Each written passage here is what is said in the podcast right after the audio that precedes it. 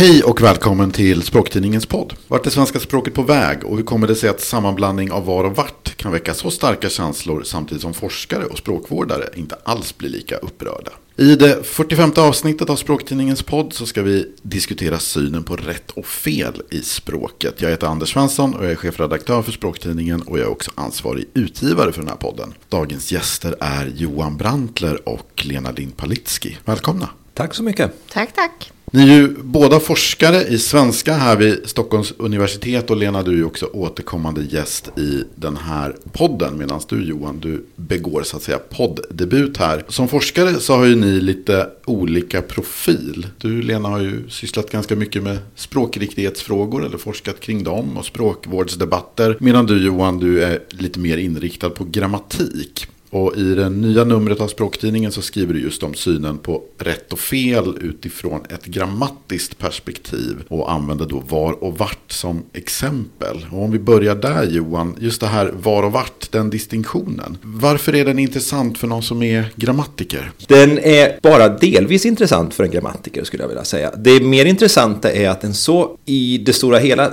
lite liten, liten sak kan få så mycket uppmärksamhet och dessutom ses som symbol för någonting som är mycket större, tänker man. Språklig förflackning eller att språket är försämras successivt och sånt här. Mm, för jag tänker Lena, du har ju också jobbat som språkvårdare och så vet jag att du skriver ju också språkspalter i Svenska Dagbladet. Och jag själv, ja, men som genom språktidningen när man skriver i DN så vet man ju, de reaktionerna jag möter, det är ju inte att sammanblandning av var och vart är en detaljfråga. Det är snarare många som tycker att det är en väldigt stor fråga. Är det någonting du känner igen dig i? Ja men absolut, men det är ju som Johan säger att det är ju lite av en symbolfråga. Och det finns ju vissa sådana här symbolfrågor frågor som upprör oproportionerligt mycket, tycker vi språkforskare ofta. Och det är ju typiskt så här, var och vart, särskrivningar till exempel. Innan, före. Exakt. Ser man hela det språkliga systemet och den komplexitet som det har så är ju en fråga om innan och före en väldigt marginell eller perifer aspekt och har ganska lite bäring på systemet i stort. Men det blir en väldigt stark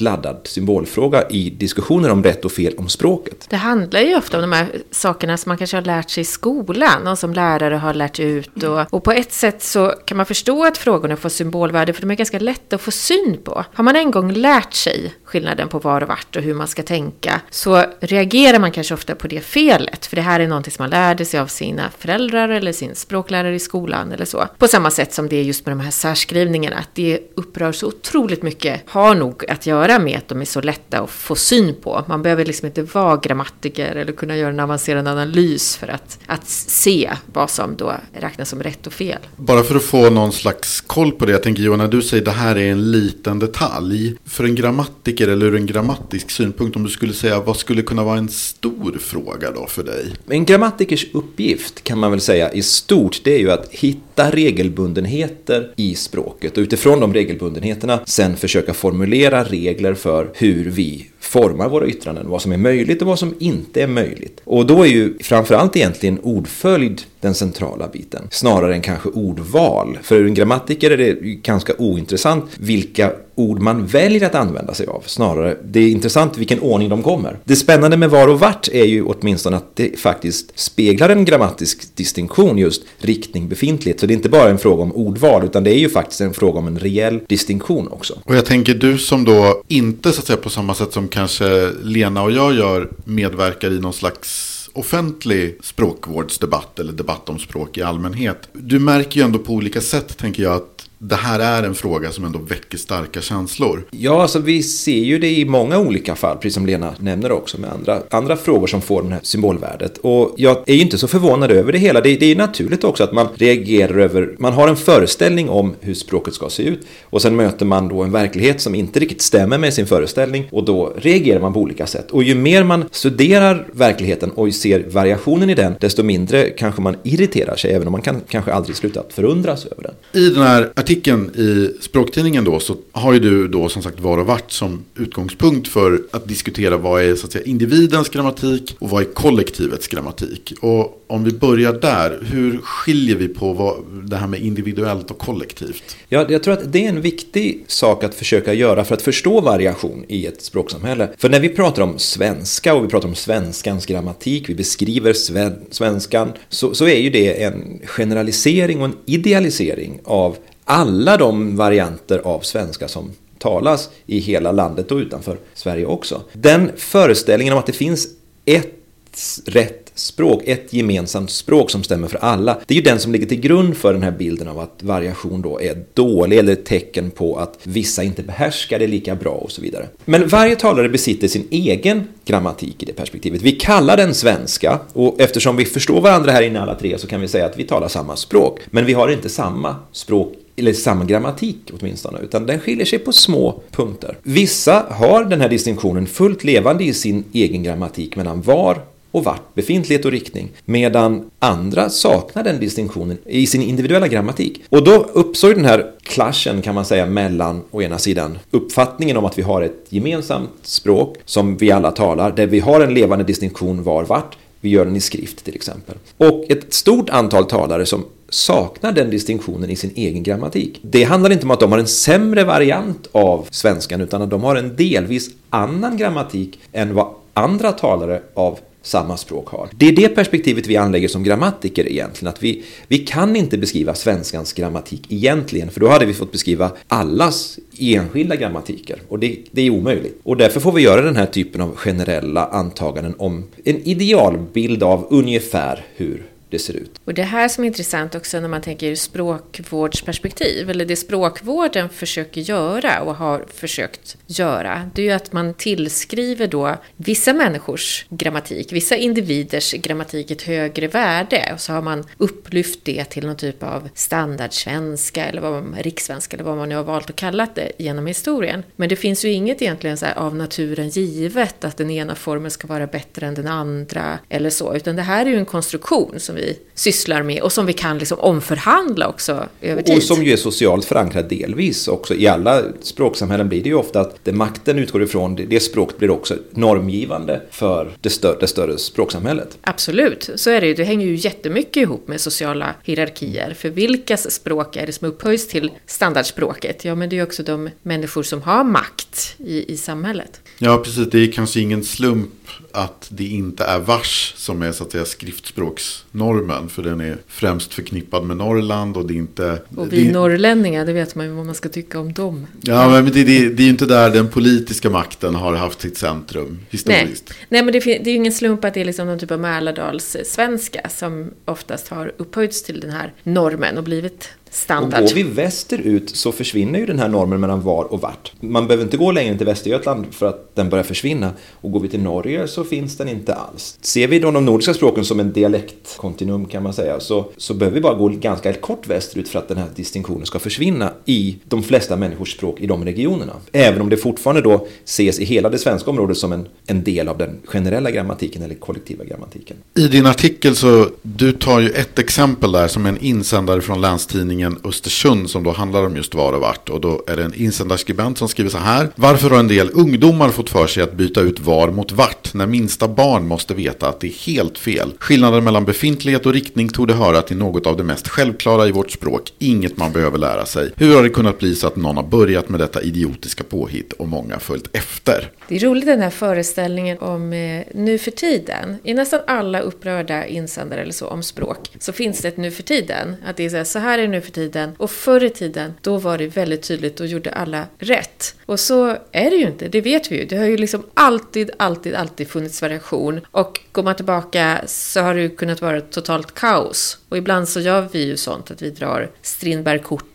och säg så här, redan Strindberg strök att efterkommer eller A och E-böjning på adjektiv, totalt kaos sen 1600-talet. Det vet ju vi, men bilden är att förr så var det språket liksom väldigt rent och nu är det variation. Och då ska man ju tänka att det har aldrig varit så lite variation i det svenska språksamhället som idag. Nej men exakt, om man liksom tänker ett större historiskt Den dialektala perspektiv. variationen för 100 år sedan var ju ofantligt mycket större och var ännu större för 200 år sedan. Ja, det är ju lite svårt att förstå idag när man läser beskrivningar av att ja, men hade vi, gjordes väl inte så många poddar på 1820-talet kanske. Jag kommer från Mälardalen, du från Västergötland Johan och Lena, du från Gävletrakten. Nu har väl vi i och för sig, åtminstone du och jag Lena, smetat ut våra dialekter ganska rejält. Men vi hade nog fått spetsa öronen kanske ganska hyggligt ändå för att kunna förstå varandra. Oh ja. Inte bara utav intonation och, och prosodi utan ju också ordval och hade varit väldigt annorlunda. Men en annan sak som jag tycker är intressant med just den här insändaren också. Man läser ju aldrig några insändare som dels är nu talar ju den här människan på det här nya fräscha roliga sättet. Åh vad glad jag blir. Hur kan jag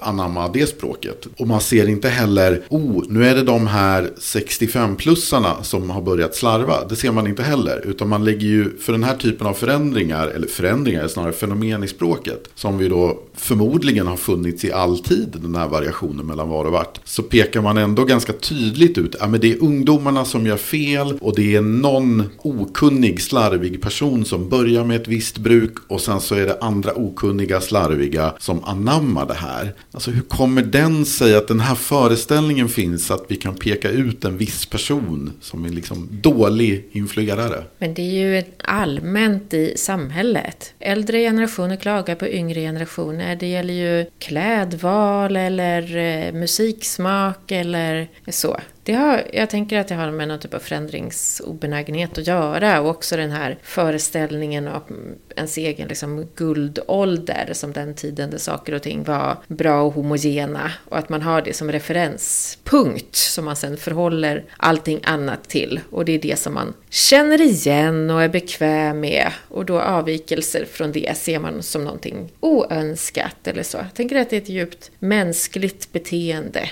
som tar sig uttryck när vi diskuterar språkfrågor ju. Och den här insändaren, jag tycker den var rolig att lyfta fram för den har i en aspekt är korrekt. Det är ett grundläggande drag i svenskan med befintlighet och riktning. Går vi tillbaka till fornsvenskan så hittar vi distinktionen var och vart även där. Så den är gammal. Det är liksom, på det sättet kan vi ge den här insändaren rätt att det är ett fundamentalt eller ett, i alla fall grundläggande drag i svenska språket, har varit under lång tid. Samtidigt är den här variationen om mellan var och vart, osäkerheten kring riktning och befintlighet nästan lika gammal. Jag hittade i SAOB exempel från 1563 på felanvändning av vart. Tegnér skriver på 1800-talet, Esaias Tegnér, och han borde kunna ha lite koll på språket, i ett personligt brev där han undrar vart han ska sitta, till exempel någonstans. Så att det är en variation som vi hittar, åtminstone från 1500-talet och framåt. Så den är nästan, man kan säga att den är nästan lika gammal som fenomenet i sig själv. Det handlar väl till stora delar om den här föreställningen om att vissa dialekter har haft den här distinktionen och i den lever kvar i vissa dialekter eller regionala varieteter. Medan i andra varieteter har den försvunnit. Och då uppstår det här problemet när vi har ett skriftspråk som upprätthåller någonting som bara finns hos vissa och det saknas hos andra. Och det är också så, jag slog upp till exempel den allra första upplagan av Erik Welanders Riktig svenska från 1939. Och där tar han ju också upp sammanblandning av var och vart. Mm. Så att det har ju också varit en språkvårdsfråga ganska länge. Och ibland kan man ju tänka att språkvården har gjort sig själv en otjänst. Att just när man så tydligt har tillskrivit den, liksom den ena formen eller det ena sättet att skriva eller göra den här skillnaden på så otroligt stort värde än att man från början skulle ha sagt så här, här finns det lite variation, folk gör lite olika, det är okej, okay, vi tillåter alla varianter. Men då har man ju lyft upp det också från språkvårdens sida till att bli den här symbolfrågan som man sen kan slå andra i huvudet med. En kritik du var inne på i början här, det är ju att man som språkvårdare eller kanske också språkvetare får det här att man är alltför liberal i språkriktighetsfrågor. När man ska förklara någon typ av distinktion, att säga att det går lika bra med båda två. Det gör ju folk nästan lika irriterade faktiskt som själva fenomenet i sig själv. Och, och det kan jag också förstå, för att det är ju, om jag som grammatiker säger att det går lika bra med båda två. Då menar jag ju det ur ett språksystemperspektiv. Alltså vissa personer har en grammatik som tillåter detta. Andra har en grammatik som gör den här distinktionen istället. Och det är förväntat om vi ser på variationen i det större samhället. Men att samtidigt säga att det går lika bra ur ett socialt perspektiv eller så, det blir ju alldeles fel. För oftast spelar det faktiskt roll om man gör det eller inte. Om det är många som stör sig på att jag, inte, att jag använder det vart fel, då kanske jag ska anpassa mig i vissa situationer, även om jag som grammatiker kan, kan tycka att det går lika bra. Jag tänkte på en sak som du sa tidigare, Johan, att eh, nu pratar vi liksom om dialekter och du säger så här, antingen har man den här distinktionen eller inte, samtidigt som Esaias Tegnér... Han var ju söderöver. Ja, då kanske han inte hade det. Men finns det någon forskning som visar att, att det kanske också beror på andra saker som i vissa typer av formuleringar eller vissa placeringar i satsen? Eller liksom, finns det någonting annat som gör, för jag, jag kan själv tänka att jag gör den här distinktionen ganska ofta, men kanske inte alltid. Att det finns liksom vissa situationer när jag inte gör det, när jag inte tycker att det är lika viktigt. Men vet du om det finns Nej, någon det, sån jag eh, vet forskning? inte det faktiskt, men det är en intressant sak du säger här. För att har man den här distinktionen i sin individuella grammatik, då, då skulle jag ju som grammatiker förutsätta att man gör den här distinktionen och man tänker aldrig på den. Det är som jag inte tänker på var, var står verbet i en bisats eller var hamnar adverbialet i en huvudsats. Alltså, det är ju ingenting man någonsin lägger en tanke vid ens som grammatiker. Det kommer ju bara, man gör det rätt. Men jag skulle inte säga att den här distinktionen är på samma sätt. För jag tror att jag ibland måste fundera på, Mm. även om det liksom tar 0,3 sekunder att fundera, att jag ibland måste tänka om det ska vara var och vart i en mening och att jag i ett väldigt spontant sammanhang absolut kan säga då fel. Så Så, då- jag då tror är det, det- är inte automatiserat Då på är samma det kanske sätt. inte en riktig del av din egen grammatik utan snarare en del av din medvetna Ja, men det tror jag är. Jag anpassning tror att, till, ja, till ett kollektivets grammatik. jag tror att det här är någonting jag har lärt mig. Och då, då saknar du det ju kan man säga i din egen grammatik. Jag skulle Det är nog- som jag gör, skulle jag säga. Ja, men jag skulle nog säga att jag saknar den också. Jag kommer det allra, allra första poddavsnittet som vi spelade in. Jag tror för det var typ snart fyra år sedan. Vid ett tillfälle så har jag för mig att det är så att jag säger vart när det skriftspråksnormen hade påbjudit var. Och, och det var någon eh, lyssnare som mejlade och kommenterade det där. Så sa jag att jag, jag kommer från Mälardalen och jag vet att jag tenderar att överanvända vart. Vilket är ganska vanligt från ja, därifrån jag kommer. Och jag vet att om jag inte tänker efter så blir det i mitt informella talspråk. Så blandar jag, eller jag överanvänder vart helt enkelt. Sen har jag inga problem att skilja på det i skrift och om jag är i något slags officiellt sammanhang. Det är lite mer noggrann med hur jag talar som i en, vad vet jag, en tv eller radiointervju eller sådär. Ja men då är det inga konstigheter. Men det finns som du är inne på Lena, det finns en, den är över på bråkdelen av en sekund. Men det finns en liten tankepaus, är det var eller vart. Så det är inte helt internaliserat eller vad man ska säga. Och, det tycker jag är en jättespännande sak som grammatiker. Då, för där, då hamnar vi i gränslandet mellan vad som är vår omedvetna individuella grammatik som vi verkligen inte lägger någon som helst tanke vid. Den har varit densamma skulle jag tro sedan vi var fyra, fem år. Den har kommit på plats där. Och vi tänker aldrig på sådana fundamentala saker. Och sen har vi då den här anpassningen mot ett kollektivets grammatik som vi ibland gör när vi lär oss skriva till exempel. Men även då i talspråk så, ja, för jag känner igen den här bilden också. Som västgöte använder jag vart snarare än vart. Alltså, och det är vart i alla lägen. Jag tycker till och med vart känns lite märkligt för mig att säga. För jag använder det inte. Men jag använder det ibland ändå. Men då är det högst medvetet. Och då är vi ju i gränslandet där mellan vad som är men i mitt fall tror jag tydligare en anpassning, i ert fall någon slags spännande mellanting här mellan nästan internaliserat men ändå inte helt. Nej, och i vissa fall tror Mm. jag att det inte är internaliserat. Men jag blev lite nyfiken på det här. Jag tänkte Lena, om inte du heller riktigt har den här distinktionen, i alla fall inte helt självklart. Du kommer också lite längre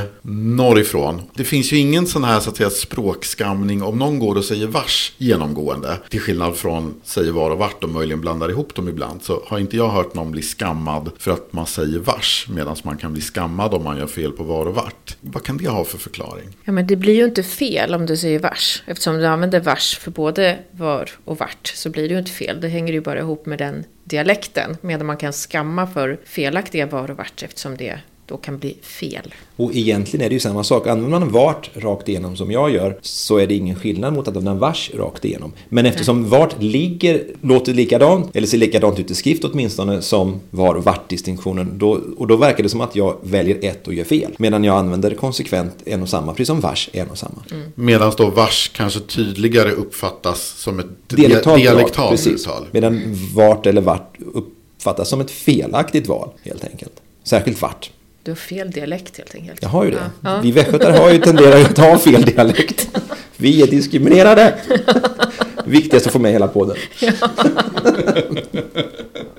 Om man då tittar i till exempel läroböcker, då är det här väldigt tydligt att var och vart är någonting som vi ska skilja på. Rent i allmänhet så är det ju också så att det är ju först när man kommer upp, skulle jag säga, på universitetsnivå som man egentligen börjar diskutera variation. Att språkbruket är inte så där enhetligt som man kanske ibland kan få för sig om man läser det man får lära sig i, i grundskola och på gymnasiet. Va, varför beskriver man då inte grammatiken, om man säger på ett tidigare stadium? Varför kan man inte ha en mer individuell beskrivning av grammatiken? Men det där är en vetenskaplig motsättning egentligen som alltid finns. Generaliserad beskrivning eller uttömmande beskrivning. Man måste hitta en balans alltid mellan det och det i första hand vi vill kanske se är ju de grundläggande mönstren i svenskan för att då kunna till exempel jämföra med andra språk. Då blir det visserligen bara en del av svenskan och en kanske idealiserad variant av svenskan som vi jämför. Men då har vi i alla fall lyckats i all den här mängden av information och variation som omger oss hitta grundläggande drag som vi kan generalisera. Om vi går mot den andra, det mer individuella, då får vi visserligen en kanske mer korrekt och uttömmande beskrivning av verkligheten, men en närmast omöjlig beskrivning att jämföra med någonting annat. Så det där är ju alltid en balansgång som vetenskapsman. Generalisering eller uttömmande beskrivning. Det är, och hur man ska balansera där. Då får man tänka på att Svenska Akademiens grammatik är fyra band och de själva skriver i inledningen att det är en ofullständig beskrivning av svenskan. Och sen när man går till grundskolan så ska man ju komma ihåg att grundskolans uppgift är ju också att lära ut någon typ av standardnorm. Och det finns ju en, nu pratar vi om att det är liksom, det är ju väldigt intressant med variation och det har alltid funnits och så, men det finns ju också en vits med den här standardnormen. Att i offentliga svenskan så ska det finnas ett språk som vi har kommit överens om och som är snävare än språket i allmänhet. Just därför att vi ska ha ett gemensamt språk där det till exempel inte ska synas eh, var man kommer ifrån ifrån eller vem man är eller hur gammal man är. Man ska liksom ha ett språk som är gemensamt och neutralt. Och, och förmåga att kunna använda sig av ett sådant språk. Ja, så, det och det är ju liksom den normen som är skolans uppgift att lära ut. Det är ju inte så att skolans uppgift är att lära ut språk generellt, för språk, språk har ju människor som kommer till skolan och de har en naturlig grammatik och variation och så vidare. Utan det är ju den här standardnormen som vi lär oss i skolan. Jag tänkte på det Johan, i den här artikeln så skriver ju du att det inte är rimligt att döma ut, ja men om en person som har, har svenska som första språk, det är inte rimligt att döma ut den personens individuella grammatik som fel. Är det en ny hållning från forskningen? Alltså det, är väl, man kan, det är väl en delvis teoretiskt grundad tanke, men den har väl varit förhärskande till viss del skulle jag säga inom grammatikforskningen sedan 50-talet ungefär. Men tanken är ju den att om vi tänker oss att vi har ett internt system system för språket i våra hjärnor så är de yttrandena vi gör förenliga med den grammatiken. Så att vi gör aldrig fel i förhållande till vår egen grammatik. Om vi kanske inte är väldigt, väldigt trötta eller väldigt fulla, då, då kan det bli fel och då, och då märker man det själv. Man kan också göra fel ibland på prepositionsval. Jag ska prata om honom med detta. Jag menar, jag ska prata med honom om detta. Men då hör man också själv när man gör de här felen. Så att visst, ibland blir det tokigt, men i det stora hela så skulle jag säga att vi inte producerar yttranden som är oförenliga med vår egen grammatik. Däremot kan de ju avvika från vår föreställning av kollektivets grammatik. Och det är ju där den här diskussionen uppstår.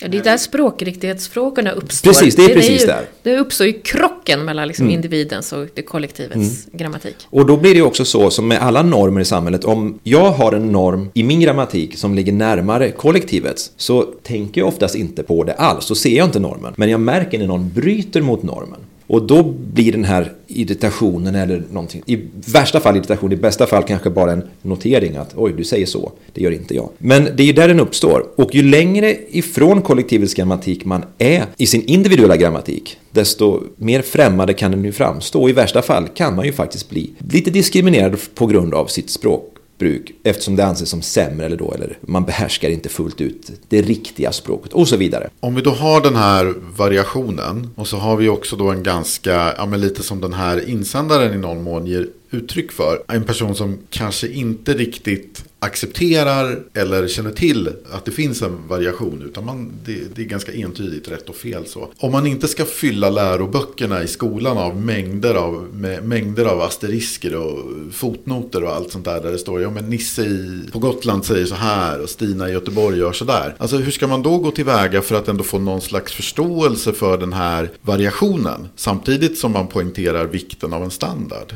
Det där är ju en pedagogisk utmaning. Man brukar ju prata om ibland så pedagogiska lögner. Att man i skolan måste man säga att så här är det. Man får aldrig börja en mening med och och till exempel kan man lära sig i skolan. Och det är ju ett gott syfte, det är ju för att eleverna inte ska stapla en massa och-satser på varandra som blir helt ohanterliga. Men någon gång så måste man ju eleverna också få lära sig att det är så här, det här är lite av en lögn. Det går utmärkt att börja en mening med och, men man kan inte göra det hela tiden eller så. Och så tänker jag att det är med ganska mycket som man lär sig generellt. Att det är så i början så är det så här enkla regler, jättetydligt, om man lär sig spela ett instrument eller vad som helst så blir, är man hjälpt av väldigt tydliga regler och följ noterna så. Men om du kan det jättebra, då kan du också bryta mot det. Så att det är ju liksom en inbyggd konflikt och en pedagogisk utmaning framför allt, tänker jag. Och jag tror att grammatiker, och nu inkluderar jag mig själv helt och hållet i det här, är rätt dåliga på att förmedla den här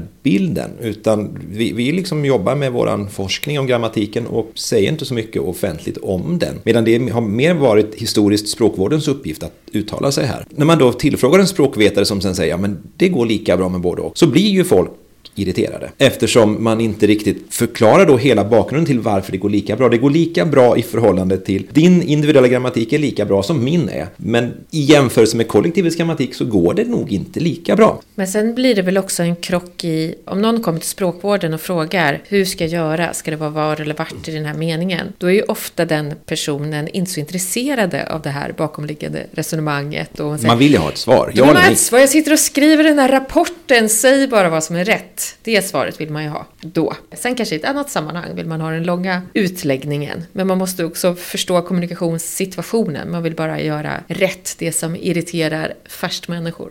Ibland är jag medveten om, jag, så att säga, jag föder den här irritationen som redan finns. Om någon läsare hör av sig i något sammanhang och är irriterad över något fenomen i språket. Och så säger jag, det här går ju båda bra. Därför att, så är det ju få svar som kan väcka så stark irritation. Och just för att då, då upplever väl också den här personen kanske att den här så att säga irritationen som den här personen förstås tycker är rättmätig och relevant. Så kanske jag är lite, uppfattas som lite blasé. Och det, ja, det finns ju en risk för elitism i, i det här perspektivet som Absolut. man antar. Om man nu jobbar med språket hela tiden som vi gör här så är det ju naturligtvis lätt att säga att ja, men man kan säga både och. Och jag kan argumentera sakligt och, och, vetenskapligt för min rätt att kunna säga både och. Men då glömmer jag ju faktiskt bort att de allra flesta människor behöver ha ett offentligt språk som stör så lite som möjligt, som gynnar kommunikationen så mycket som möjligt. Och att då komma och dragandes med att ja, det går lika bra. Jag kan förstå att irritationen väcks när man möts av ett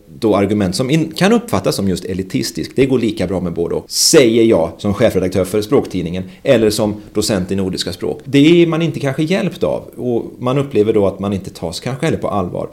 Lena och jag har ju båda börjat skriva dom. Få saker har jag förstått har uppfattats som så oerhört elitistiskt. Och på ett sätt så är det lite intressant för att de har ju lite stämplats som en så här låg statusform. Det är talspråkligt, det är informellt. Men när det kommer härifrån så uppfattas det lite som att vi ställer oss på ytterligare trappsteget ovanför de som behärskar det och den distinktionen. Du ser lite skeptisk ut, Lena. Nej, jag har inte, jag har inte uppfattat det så riktigt. Det här var ju nytt för mig. Ja, Okej, okay. men jag har ja. fått en del sådana att på ett sätt så, så förstår jag ju varför de tycker det. För att jag kan ju i språktidningen så kan jag så att säga själv diktera att jo men jag kan skriva dem. Och jag kan säga till DN, äh, men nu skriver jag dem och det får ni leva med. Så i den mån månaden så är ju oerhört privilegierad. Även om man kanske vill skriva dem så jobbar man kanske på en redaktion eller på en myndighet eller på ett företag eller någonting där det finns i de interna skrivreglerna att det ska vara det och dem. Och här i någon mån så ställer man sig ju då vid sidan om av den här kollektiva normen. Och i värsta fall riskerar man ju också att uppfattas som någon som inte kan normen. Om man inte sitter och jobbar med språk dagligen. Utan jag skriver dem som ett ställningstagande och uppfattas som att du inte vet skillnaden istället.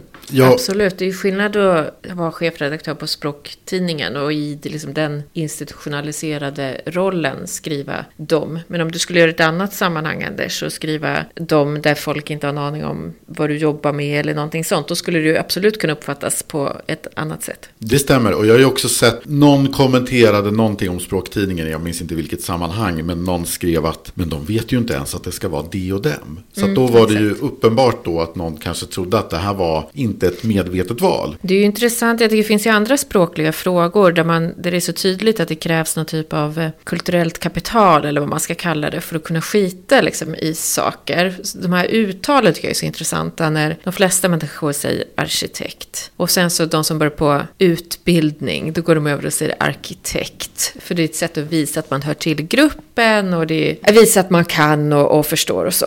Medan, vad jag har förstått, liksom de äldre som har jobbat länge inom branschen, de säger ju arkitekt. För då är man liksom så högt uppe i hierarkin, så då kan man visa att det här skiter jag fullständigt i. Håll på med det här ni som är ängsliga där nere. Det finns andra sådana. Och där är du med dem alltså. Ja, nej, men det ja. finns ju andra sådana uttal som är dirigent, dirigent till exempel. Ja, och psykolog och psykolog. Exakt. Men det här med det, dem och dem är ju lite extra roligt utifrån det här perspektivet med individuell och kollektiv grammatik. För det är tvärtom mot var och vart. Det jag försöker argumentera för i texten är att var och vart är en del av den individens grammatik eller inte. Men det och dem är ju inte del av någons individuella grammatik, nästan. Finlandssvenska har en del liksom levande där. Den alla i princip har dom i sin individuella grammatik, men lär sig sen att i skriftspråk skiljer vi på det och dem. Och det är en distinktion som är svår att göra eftersom man inte har stöd i sin egen inre grammatik. Vi har bara dem. Och det är jättesvårt att hitta, hitta distinktioner. Så att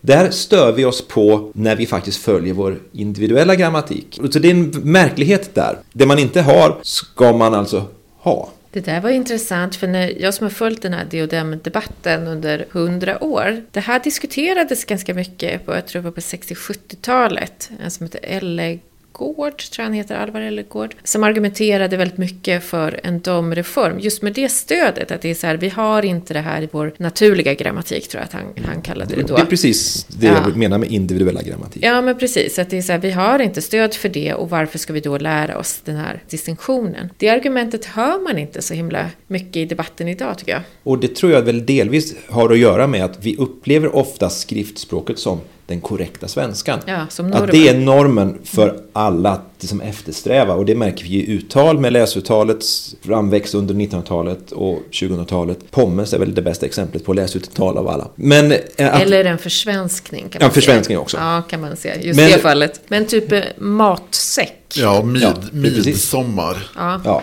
Så vi har många exempel på att just skriftspråket ses som normen och det och dem upprätthålls i skriftspråket så att Därför är det en del av det riktiga språket. Medan vi i, som grammatiker skulle jag skulle nog vilja hävda som Ellegård att det och dem faktiskt inte är en del av nästan någons grammatik. Men det, det här måste ju vara en uppfattning ändå som har ändrats över tid, tänker jag, i takt med att vi har blivit allt mer skriftspråkliga. Jag menar, vi producerar ju extremt mycket mer text idag. Tänker du Johan att det har ändrats över tid? Ja, att vi liksom mer ser liksom skriftspråket som norm idag? Ja, absolut. Men det ju, går ju hand i hand. Den stora utvecklingen kan man säga inom, under 1900-talet har ju varit att vi skriver allt mer som vi talar och vi talar allt mer som vi skriver. Avståndet mellan tal och skrift är ju mycket närmare idag än vad det var för 100 eller 150 år sedan. Där ju framförallt den offentliga svenskan låg väldigt långt ifrån hur någon talade. Så det, och det blir ju att talspråket har influerat skriftspråket så tillvida att vi har kortare meningar, vi har mindre komplicerad syntax, färre bisatser till exempel och sånt här. Men också då tvärtom att det skriftspråkliga har sett som norm för talspråket i uttal till exempel. Vi nämnde Erik Velander och första upplagan av, av Riktig svenska tidigare. Hans huvudsakliga poäng, eller det han är mest irriterad över, eller det han helst vill bekämpa, det är just de här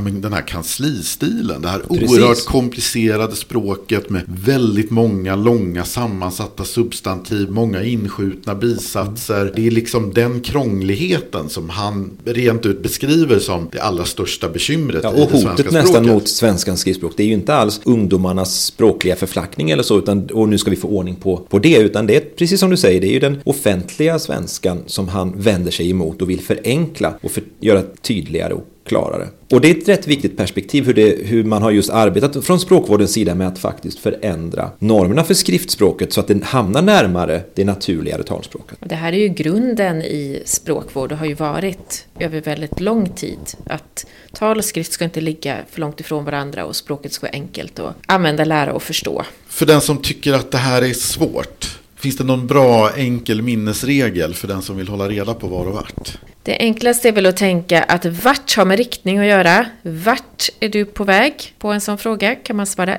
dit. Och var har med befintlighet att göra? Var är mina nycklar? Där är mina nycklar kan man svara. Och eftersom man kan svara där, som slutar på R, så hör det ihop med var, som slutar på R. Och vart hänger ihop med dit, och båda slutar på T.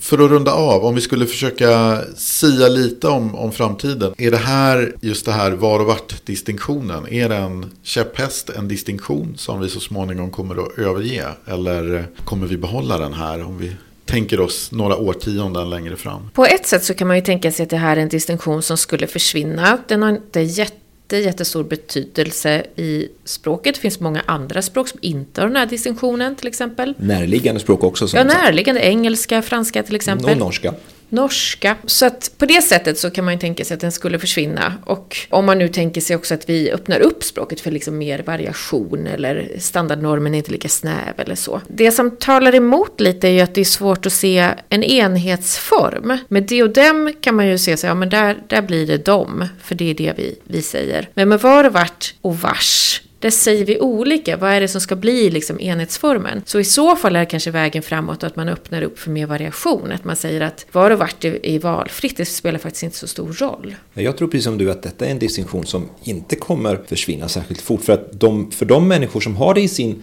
egen grammatik så är det en reell distinktion. Det är ingen, ingen inlärd eller utanpåliggande distinktion utan man, man har den och då finns den. Och den har stöd i skriftspråket. Så att jag tror nog inte vi kommer se att den bara försvinner. Men vi kommer nog med allra största sannolikhet se mer variation. Och då är det ju möjligt att språkvården också blir mer accepterande och tolerant för variation. Mm. Det kan man ju tänka sig.